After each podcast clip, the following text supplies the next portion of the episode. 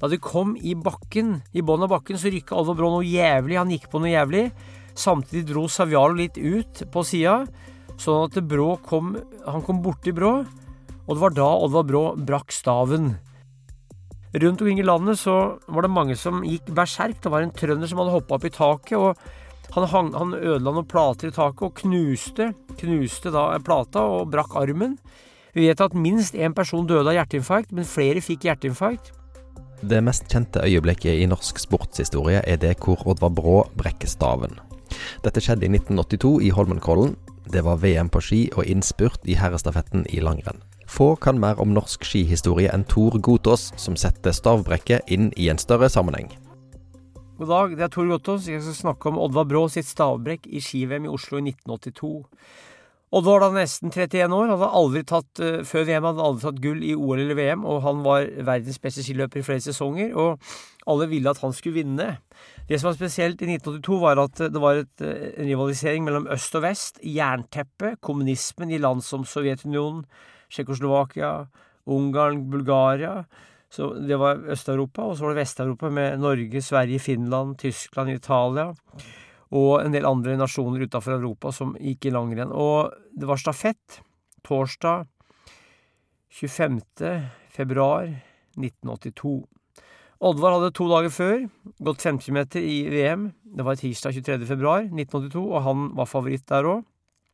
Og for å utbrodere historien så er det viktig å si det at Oddvar på, den, på det løpet der, han uh, gikk jo på Landsem ski, som var lagd i Rindalen som var eh, veldig gode, men akkurat den dagen, den tirsdagen, to dager før stafetten, så var det spesielt føre som passa best for Fischer. Det var såkalt Fischer-føre. Det var omdanna snø, møkkete omdanna snø. Det kom møkk fra England og Ruhrgebiet i Tyskland, Ruhrområdet, som gjorde at snøen var litt spesiell og vanskelig å få god glid på, særlig med landsemski. Så før rennet så skjønte Oddvar at han hadde litt dårligere glid enn kanskje Fischer-løpere, så de fikk preppa skia godt på den dagen der. Eh, og han eh, stilte opp, og hjemme på gården på Hølåna så satt mora Oline og faren Birger og besteforeldra og så på TV-en på at sønnen og barnebarnet skulle vinne VM i Oslo i 1982. Faren Birger var så nervøs, eller spent, han orka ikke å se på, så han gikk i skogen for å hogge tømmer, for de har ca. 1000 mål skau på gården, i nær gården. Og han øh, høgg tømmer, han Birger Brå, og utpå dagen så så han at naboen heiste flagget, og da skjønte han at Oddvar var blitt verdensmester, men da høgde han ferdig for dagen. Og da kom Adresseavisa, en journalist fra Adresseavisa kom på gården for å intervjue og gratulere Birger med sønnens verdensmesterskap. Og da var Birger i skogen, og da ble det tatt bilde av Birger, og da smilte han. Det er ikke ofte han smilte på bilder, men da smilte Oddvar, Birger Brå, far til Oddvar. Så Oddvar fikk en slags forløsning der, og da endelig hadde han tatt gull. Så da stafetten kom, så hadde han fått det gullet som han hadde lengta etter lenge, og det gjorde at han slapp av litt mer før det rennet der. Og Norge var jo favoritt. Norge hadde på papiret et veldig, veldig bra lag. Første etappe var eh, Lars Erik Eriksen fra Bjerke. Eh, andre etappe var Ove Aunli fra Kyrksætøra, og tredje etappe var Pål Gunnar Mikkespass fra Bromma i Hallingdal. Siste var Oddvar Brå fra Leik i Hølanda, eller på Hølanda i sør, daværende Sør-Trøndelag. Og egentlig skulle en kar som heter Tor Håkon Holte fra Hokksund gå det rennet der, men han fikk en slags eh, influensa. Han kalte det sekstimersinfluensa, så han ble sjuk. Han ble brått sjuk og ble satt ut av laget. Så Mikkelspass kom inn i siste liten, siste. Eller i hvert fall kom inn som reserve på det laget der. Aunli, Mikkespass, var da førsteårs senior, født i 1961. Eriksen var 27-28 år, Aune var 26 år, og Brå var snart 31 år, så det var en blanding av unge løpere og rutine med særlig Oddvar på laget, den mest rutinerte, og den beste spurteren, Oddvar Brå, skulle gå til slutt.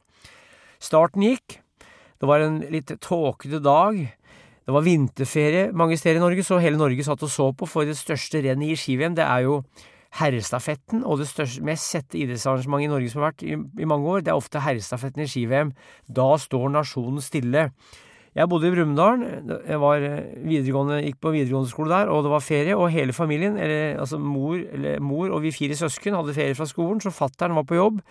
Ellers så satt hele familien og så på TV-en i Brumunddal da i 1982. Og i Brumunddal sentrum så var det ikke folk, vet jeg. Fabrikken som het Langmoen. Det var 700-800 ansatte. Det var nesten ingenting som skjedde der. Folk hadde enten fri, eller de satt og så på TV-en hjemme, eller på arbeid, eller noen hørte på radio. Så det var Norge sto stille, altså, under den stafetten her, og det var enorme, enorme forventninger. Sist Norge tok gull i stafett i VM, det var 1966, altså 16 år før.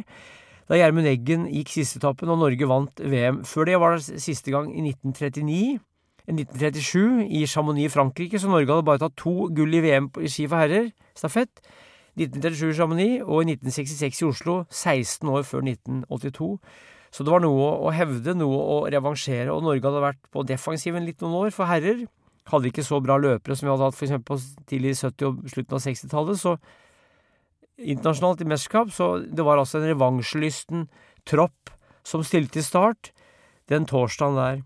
Trener var Magna Lundemo fra Meråker, en energisk type, rød, rødkinnet type som sjøl hadde vært god både på ski og i friidrett, så han, han, styrte skuta.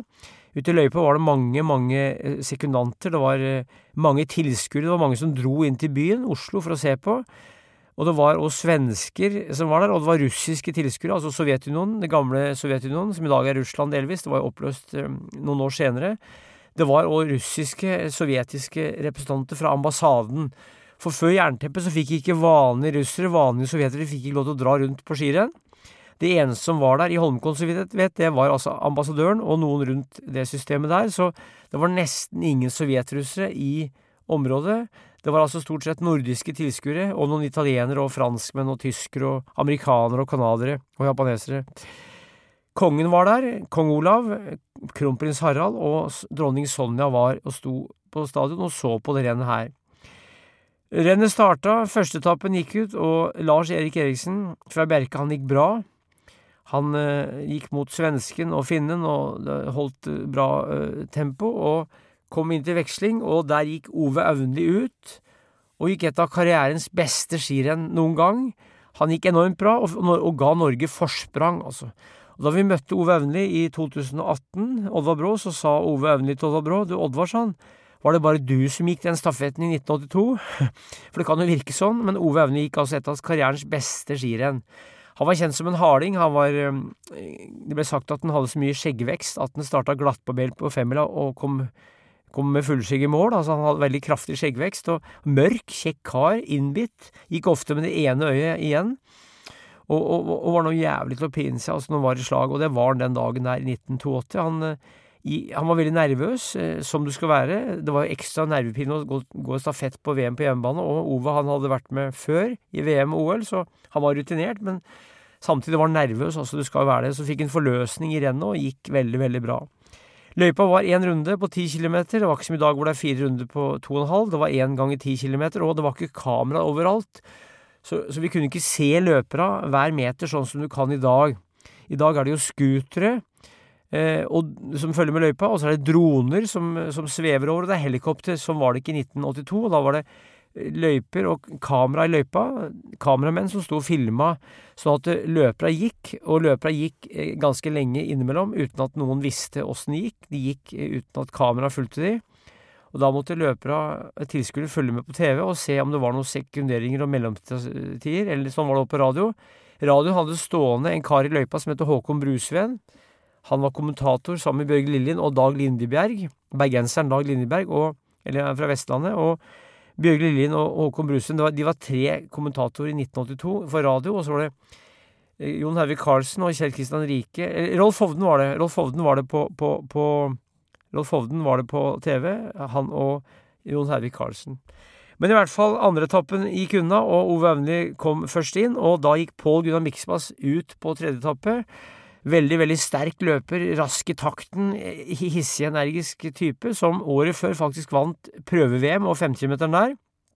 Han eh, var skisportens raskeste kar i motbakke, særlig hvis det var mot fiskebein, så gikk han veldig fort rett opp, og han var altså verdens kanskje mest lovende skiløper da, så det var trygt å ha ham på tredjetappen før Brå skulle gå den siste. Men Mikkelspass, han, han ble så klart sliten som du skal bli, og ned Stygdalen så ble han ustødig i, ustødig i bakken og skjente ut og datt. Han datt der på Mikkelspass, hadde en kar som het Burlakov bak seg, en, en mørk russisk russer som gikk veldig bra, pent på ski. Burlakov kom bak, Og Burlakov tok igjen Pål Gunnar Vikspass, og russeren kom først inn til veksling. Olvar Brå hadde forberedt seg på å gå ut først. Han varma opp på stadion, gikk rundt og kikka, og, så, eh, og hørte at Mikkespass Mikkelspass datt, og det gikk et sukk gjennom menneskemengden da, og han skjønte at han må gå ut bak og la, han, la ham ta kicken i huet. Brå eh, kom ut som nummer to, og først gikk Aleksandr Savjalov fra Sovjetunionen, en hjulbeint kar som hadde blitt med to på 50-meteren to dager før, noen sekunder bak Brå, så det var de beste i VM, de beste løperne på korte distanser, som gikk ut først på den siste etappen der. Savjalov han var eh, så olm ut, han gikk med ganske lange staver, veldig hjulbeint og energisk, råsterk kar. Han eh, var vokst opp ved øya i fylket Moskva, ved elva Moskva, som hadde to søstre og mor og bestemor. Faren drakk seg i hjel, bestefaren drakk seg i hjel. Og det var mye alkoholisme i familien på farssida. Han har vokst opp uten strøm og uten vann, eh, veldig enkle forhold, og var god løper i oppveksten, men ble senere skiløper, så han var en klassisk harding, eh, altså en viljesterk type som var den beste løperen da i Sovjetunionen, og den naturlige mannen å ha på siste etappen.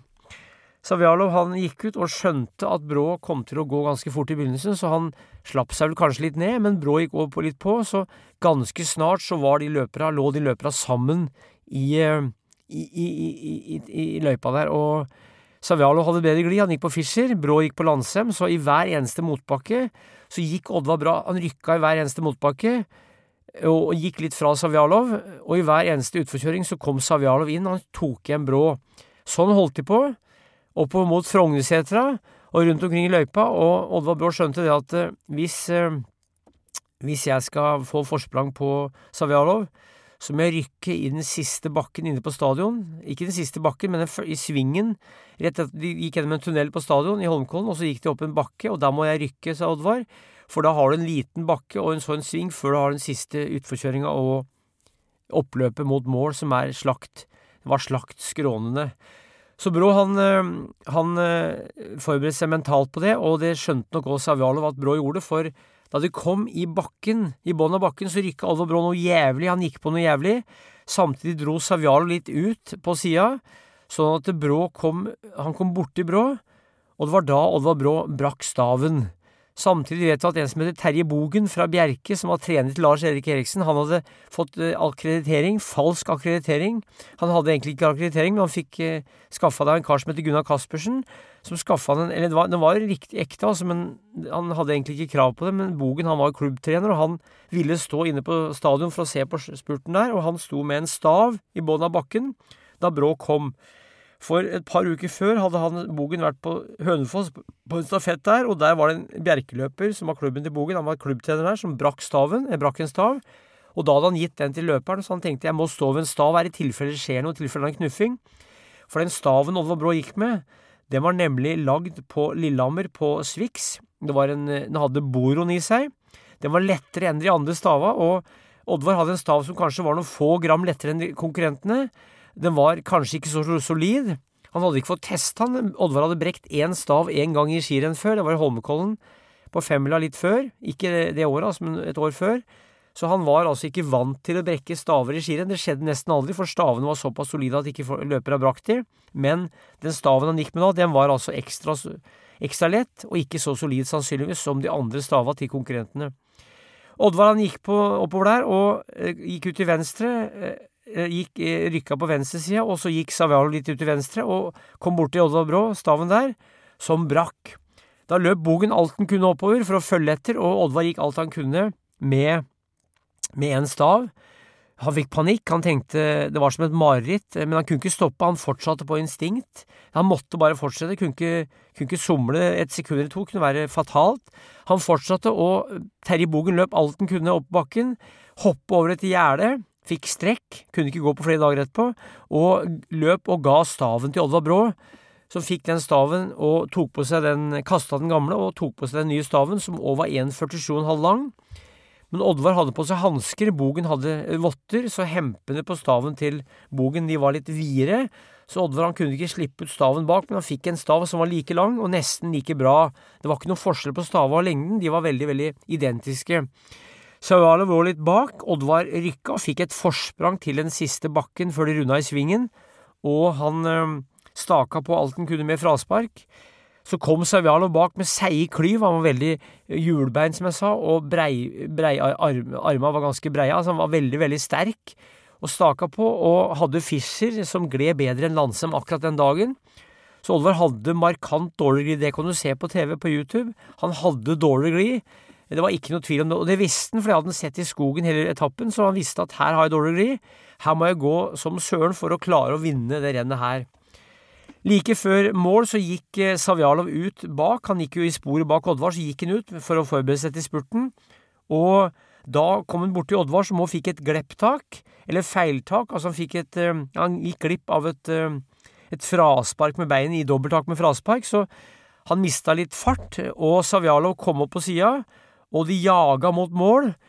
Publikum skrek helt vilt, og de kom likt i mål, men da heva russeren hendene over huet, så russeren trodde at han vant. Han var ganske sikker på det. Oddvar han tok en, en slags glidetakling og kjørte fram beinet og datt nesten over mål, mens Savjalov gikk over mål med hendene over huet.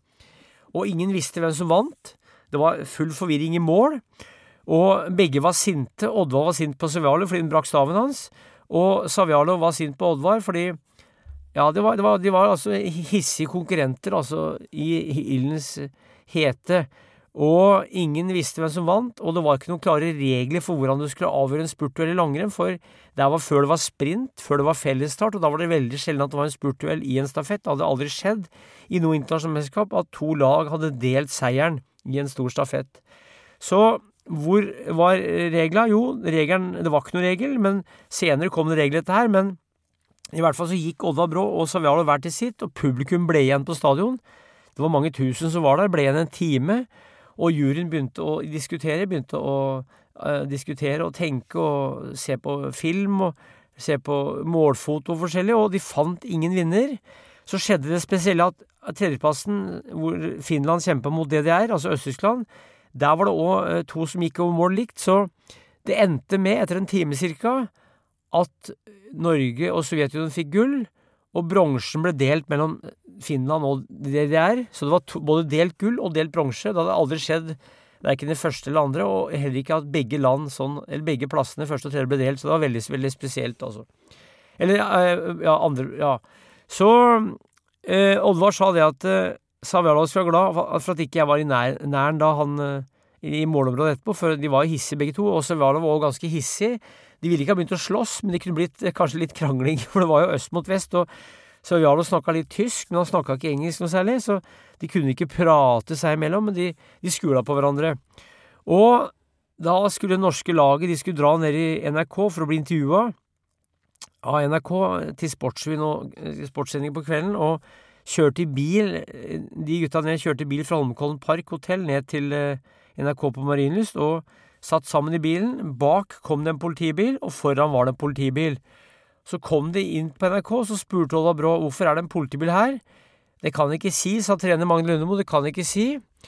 Du må si det, Oddvar, du må si det. Jo, det viste seg det at eh, det var ringt inn mordtrussel på Pål Gram Mikspass, som datt på tredjeetappen. Så de var usikre på om noen ville kverke han. Altså, jeg vet ikke hvor seriøst det var, altså, men det var sikkert en full kar som hadde ringt inn da i 19, i 19, 1982. Eh, og de var på TV-en, og ingen visste om det, for det var hemmelig det at det var ringt inn mordtrussel. Og det skjedde jo mye rart, har vi hørt senere under den uh, stafetten, der, for Norge sto som jeg sa stille. I, på Majorstua, så visstnok i, i lyskryss på kirke, i Kirkeveien, så sto bila stille. På motorveien så var det biler som stoppa for å høre på innspurten. Det var vill skriking på radioen, det var vill skriking på TV òg. Mange hadde bilradio på, så trafikken sto stille, ble det sagt. Og rundt omkring i landet så var det mange som gikk berserk. Det var en trønder som hadde hoppa opp i taket. og han, hang, han ødela noen plater i taket og knuste, knuste da plata og brakk armen. Vi vet at minst én person døde av hjerteinfarkt, men flere fikk hjerteinfarkt. For Oddvar Brå og jeg reiste senere på en turné i Norge med 87 eh, foredrag eh, i, 19, i 2019 og 2018 ja, og 2020. Og da pandemien kom, så måtte vi avbryte den turneen, men vi hadde 87 oppdrag, og flere steder så traff vi folk som hadde dramatiske historier å fortelle. Noen hadde noen hadde skrudd av TV-en i forbannelse, noen hadde dratt ut eh, Noen hadde nesten knust TV-en, og minst én person døde, og flere fikk hjerteinfarkt. Altså, og det fortelles om nordmenn i utlandet som satt på sjømannskirker og hørte, og Det var en begivenhet for nordmenn som kanskje aldri før. Og TV-en, det var bare én TV-kanal i Norge. Halve Norge så på det, kanskje enda mer òg. Og mange hørte på det på radioen, så det var veldig få som ikke var nær en radio eller en TV. Den torsdagen da i februar 1982, da Norge slo Sovjetunionen og Oddvar Brå brakk staven. Senere så gikk det vandrehistorier om det her, og det gikk vandrehistorier om at Vladimir Putin han trodde ikke på at Brå brakk staven. For det var ikke Brå som brakk staven egentlig, det var jo Savjalo som brakk staven til Brå. Så Putin mente det at, at det var en optisk illusjon. Han mente at det egentlig var Brå som brakk staven sjøl, og at noen hadde narra oss til å tro at, at, det var russeren som brakk, brakk staven. Men det er bare tull. Det var jo så klart Savjalo som brakk staven. Og Savjalo var på besøk i Norge i 2018. Vi fikk han hit. Han er en kjernekar. Han er jo ca. 65 år i dag, jobber i Fischer, bor i Moskva, både i Moskva by, hvor han har leilighet, og så bor han i Moskva fylke utafor, i et hus der han vokste opp, og han, han er altså en fin type, avholdsmann. Han drikker ikke, faren var jo som, som jeg sa alkoholiker og drakk seg i hjel, og han er veldig fornuftig kar, og han sa det at uh, han, uh, han og Oddvar Brå hadde litt forskjellig forklaring på, på hva som skjedde, og de, de, de, sa det ikke helt likt, altså. De hadde hver sin måte å formidle det på, men ganske likt. Og Oddvar Brå sa det at hadde jeg jo gått som russeren, hadde jeg jo vært på innsida, så ville jeg gått litt ut hvis jeg hadde en russer som kom opp for å rykke i den bakken her. Så de var nok ganske enige om at det som skjedde, det var uunngåelig når de først støtte sammen. Og det var jo ikke vanlig, som jeg sa, å brekke staver i den tida der, så Oddvar hadde bare brekt én stav før i karrieren. Ganske spesielt, altså. Og da vi reiste rundt, så la vi merke til det med foredrag i 2018, 19 og 20, la vi merke til at vi, nesten alle nordmenn som opplevde det her, de huska det godt, for de huska hvor de var, akkurat som Kennedy-drapet i USA, og da eh, Abraham Lincoln ble drept i USA, så var det et eh, Eller som da freden kom til Norge i 1945, 8. mai, så var det et øyeblikk alle huska. Det var så dramatisk. Langrenn var en sport som ikke besto av noe særlig fellesstart. Lite spurter i stafetter. Og det var eh, Det var ikke vanlig å se en innspurt, og det var veldig sjelden at en innspurt ble delt. Det hadde aldri skjedd før, sånn vi kan huske. Og det samla nasjonen på en merkelig måte, på en fin måte, så klart. Og eh, på TV-en så så vi bilder av kongefamilien. Sonja som hylte og skreik. Olav sto der, Harald sto der. Så hele folket, inkludert kongefamilien, var til stede. Enten at de var på stadion, eller så så de rennet på TV-en, eller hørte på radioen. Og stavene ble jo eh, En kar fikk tak i det. Det var noen som tok med seg den staven hjem. Og etter hvert senere så begynte en artikkel i Dagbladet som sto 'Hvor var du da Brå brakk staven?' Det ble et munnhell. 'Hvor var du da Brå brakk staven?' Og folk fortalte hvor de var. Og det viste seg det, da serien kom i gang og gikk ganske lenge, så viste seg det at en del folk de de huska ikke riktig, så de, noen var eh, andre steder enn det de sa. Og plutselig var det mange som hadde vært på stadion. Det var mange som hadde vært på stadion. Og jeg snakka med en god del som var der. Jeg snakka med flere som sto rett ved stavbrekket. Til og med fått et bilde av en kar som sto rett ved stavbrekket. Så det er riktig at mange var der. Og for eksempel en kar som Jens Arne Svartedal, en løper fra Trøsken, skiløper født i 1976, han var der som seksåring. Han ble holdt opp, så han fornemma det her suset fra den, den stemningen. Han fornemma det. Og Bjørn Dæhlie var vel i Oslo i VM òg, i 82, kanskje ikke på stafetten, men han var der i hvert fall. og mange som senere ble skiløpere, de var, de var og så på. Og Brå han eh, ble jo minna på det stavbrekket over Brå, for at, eh, for at han eh, han var jo skiløper han i mange år til, og da han la opp rundt 1988-1989, så, så var det her noe som folk spurte om nesten hver eneste dag, ofte flere ganger om dagen. Så fra 1982 fram til i dag, 40 år senere, så har Oddvar Brå blitt minna på stavbrekket i gjennomsnitt hver eneste dag både i Norge, i Sverige, når han er i utlandet, i Syden, eh, møter norske turister, så, eller svenske turister, så, så er det noen som kommer opp og snakker om Stagbrekk i 1982. Og jeg har vært mye sammen med Oddvar og sett at eh, det takler han veldig bra. Han eh, eh, pleier å glise litt og humre og, og, snakke med folk som om de skulle være gamle kjente. Og han vet at det har folk behov for å snakke om, for det, det gjorde inntrykk. Og Oddvar er jo en veldig fin kar.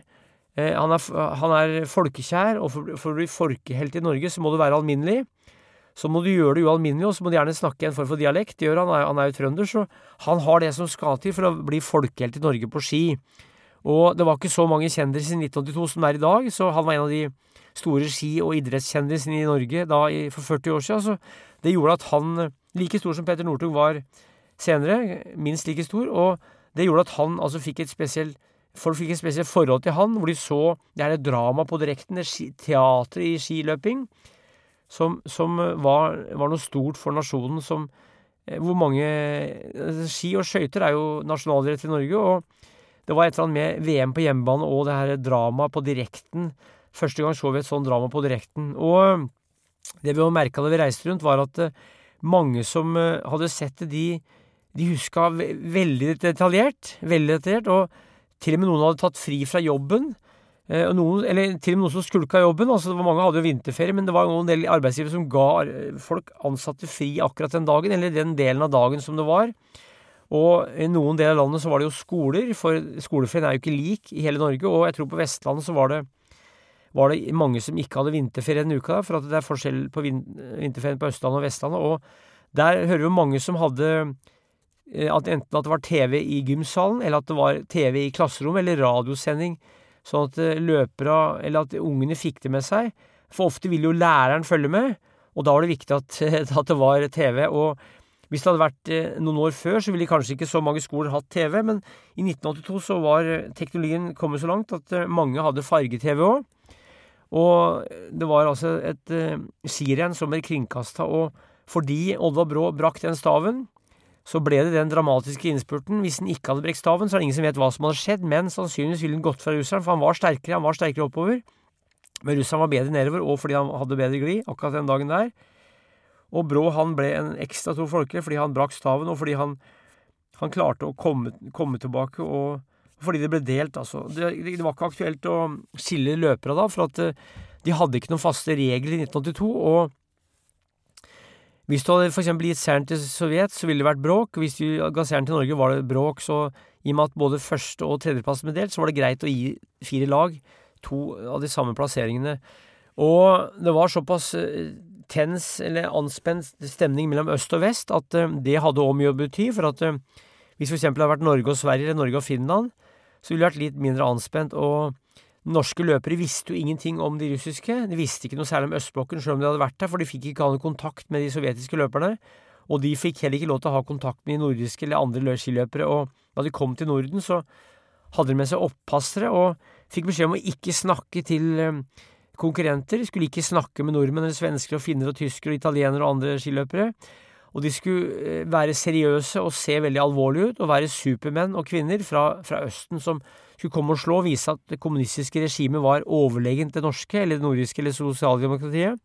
Skulle vise at det var utsendinger fra en sterk nasjon som hadde skiløpere i, i, som, var, som, som, var, overmennesker. Altså. Og jeg snakka mye med Savjalov, for han var jo her, som jeg sa, i 2003 så var han her i tre dager.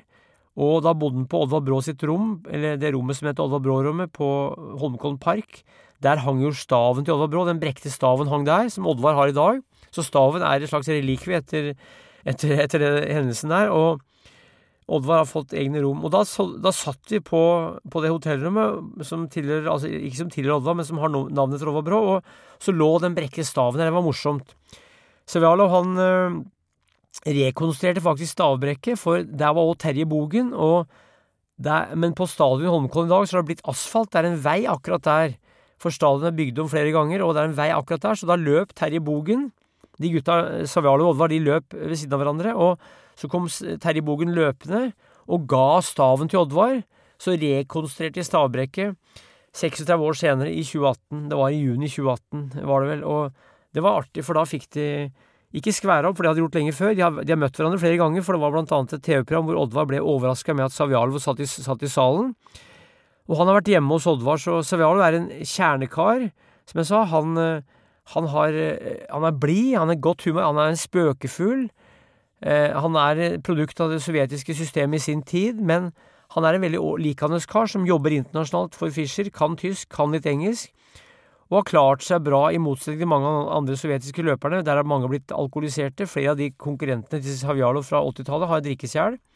Men Savjalov er altså avholdsmann og hadde med seg rugbrød til meg.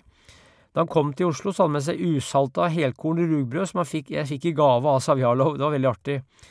Han dro hjem, og han var veldig, veldig fornøyd med å få være her. Og da boka Molde og Brå kom i 2018, i 10. oktober, så, så prøvde i hvert fall Gyldendal å streame den seansen, sånn at han kunne sitte borti, borti Moskva og se på den seansen. Han skjønte jo ikke norsk, men han, han, han er rett og slett en kar som, som var godt trivelig å bli kjent med, og som, de, han har et godt forhold til Oddvar Brå.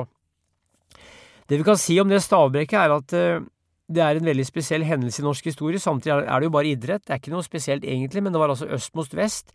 Det var Oddvar Brå mot Aleksandr Sovjalov, Det var herrestafetten i ski-VM. Den store øvelsen i den viktige nasjonalsporten langrenn. Og det var i et tid hvor Norge hadde én TV-kanal, én radiokanal, og, og, og, det var vinterferie. Nasjonen satt og så på.